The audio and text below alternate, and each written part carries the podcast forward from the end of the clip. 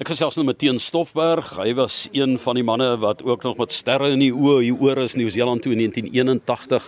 Teens ehm um, nog, jy weet, die ek wil amper sê die begin van jou loopbaan. Jy was jong spelers en 'n groot uitdaging wat op julle gewag het. Jy was ook in die dampkring van kapteinskap ingesluit. Jy verwag dat hierdie gety, hierdie golf, julle so erg sou tref buite rugby wat gaan oor politiek en die Suid-Afrikaanse binnelandse beleid.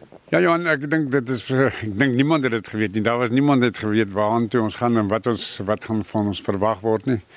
Die hele aanloop dat ons uh, ons moes heeltemal om die wêreld gevlieg het net om daar te kom was al die begin wat die dinge heeltemal anders het ons 2 dae gevat om net daar te kom in Auckland met baie ontbyte verstaan ek met heel wat ontbyte want jy vlieg saam in die son. so jy kry nie middag eet en jy aan ontbyt eet. Nee, ons het uh, dit was iets waarvoor ou jou nie reggemaak het nie. Ek dink niemand het reggemaak nie. Ek weet daar is moeilikheid aan die kom in die sin van bietjie betogings en so aan, maar dit wat ons getref het verseker nie. En soos jy sê, dit was nie net op die veld nie. Nieu-Seeland is in elk geval elke game is 'n oorlog op die veld of 'n klapwedstryde is of 'n toets is. So ons moet ons uh, net aanpas toe ons daar aankom om te sien wat gebeur. En na daai eerste wedstryd wat gekanselleer is, nou ja, dis 'n lang storie. Ek dink jy ken hom nou. Ja, en ehm um, ek ben almal was seker in die duister gelaat gaan die toer nog voort of nie. En toe het julle drie toetse gespeel waarvan jy ehm um, van die toetse gespeel het, maar jy is ook beseer op die toer. Ja, dit was nou daar was 'n aanloop uh, na die wedstryd wat gekanselleer is, het ons nie geweet of dit sal aangaan nie. Uh wel aangaan het uh, nou voortgegaan met die met die Saterdag wedstryde en toe kom die eerste toets en toe die span uh, keerkomitee het nou so besluit dat ek die die eerste wedstryd moet kaptein wees wat ons nie gewen het nie wat natuurlik nog verder druk op almal sit en so aan en toe kom die tweede een wat ons baie goed gespeel het almal baie goed en Wynand kaptein En ja, die hartseer vir my van my rugby loopbaan was amper daai Saterdagoggend wat ek moes onttrek het as gevolg van 'n kniebesering in daai laaste wedstryd. En die uitslag of 'n gelykop uitslag sou vir ons baie beter gewees het as daai verloor. Maar is nog steeds saam met die span verder en dit was uh, wat hoeveel amper uh, naby aan 'n 3 maande toer, né? Ja, die hele toer. Ek dink dit was so 2 maande in Nieu-Seeland en uh, dan die laaste paar weke was ons het ons via Amerika weer teruggekom met uh, weet weer heeltemal 'n ander verhaal was wat daar gebeur het. Vertel vir ons.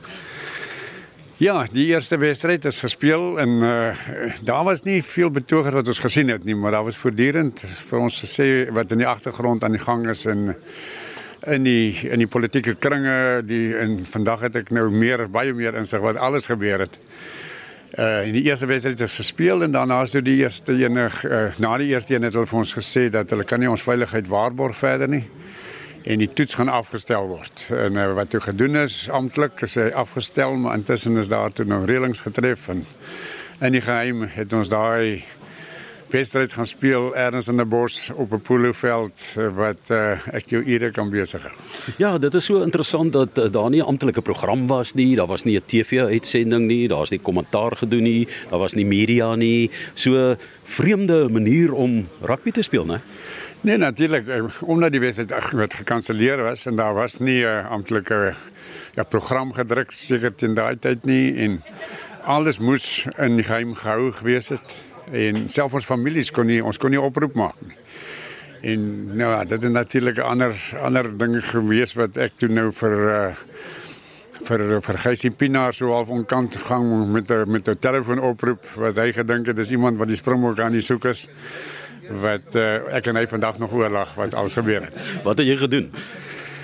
Jong ek het uh, nadat ons die hele program, die hele uh, operasionele program wat ons sou hê wat ons moes wegkruip in kombies en sulke goed, het ek gesien die ding pla maar vir Gysie vreeslik. En uh, toe ons terug is in die kamers, nou wag ons vir die opdrag om te gaan in in ja, van nommer 1 tot nommer 7 in 'n kombi en uh, toe dan van met die volgende 7 in 'n ander kombi en so moes ons gaan wegkruip. En ek lê in my kamer alleen en hy en Edrich was saam in die kamer en ek wou vir Edrich Krans wou ek net 'n oproep maak. Ag, ek wou vir hom iets praat oor kameras wat ons die vorige dag aan Amerika gekoop het.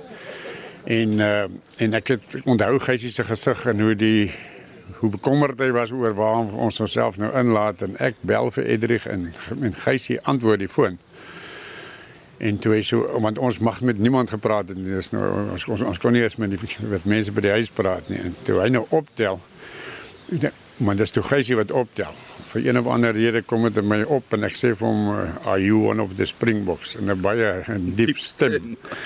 en hy kon duidelik hoor hoe hy skrik aan die ander kant en hy sê no no I don't know. Eh uh, toe sê ek vir hom kan where can I find the Springboks?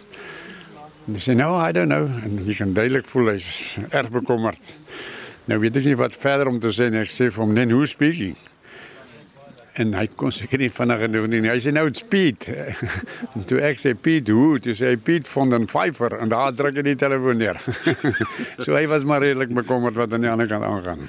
Daar was spanpolitiek, daar was rugbypolitiek, daar was politiek politiek, wêreldpolitiek wat ingespeel het in 1981. So jy sê uh teen Stoffberg dat dit 'n kruispunt was in die denkwyse oor rugby, oor Suid-Afrikanerskap uh, vir baie mense, vir baie van julle wat as mense en menswees ook moes verander.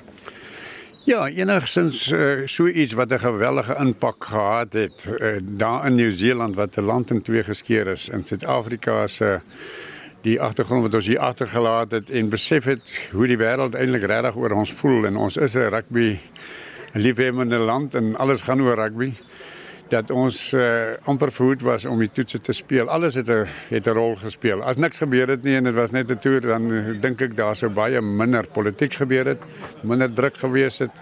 So die invloed wat gebeur het, uh, dink ek was tot voordeel vir dit wat gevolge daarna en rugby 'n baie baie groot rol gespeel het in al die keuses wat gemaak is daarna.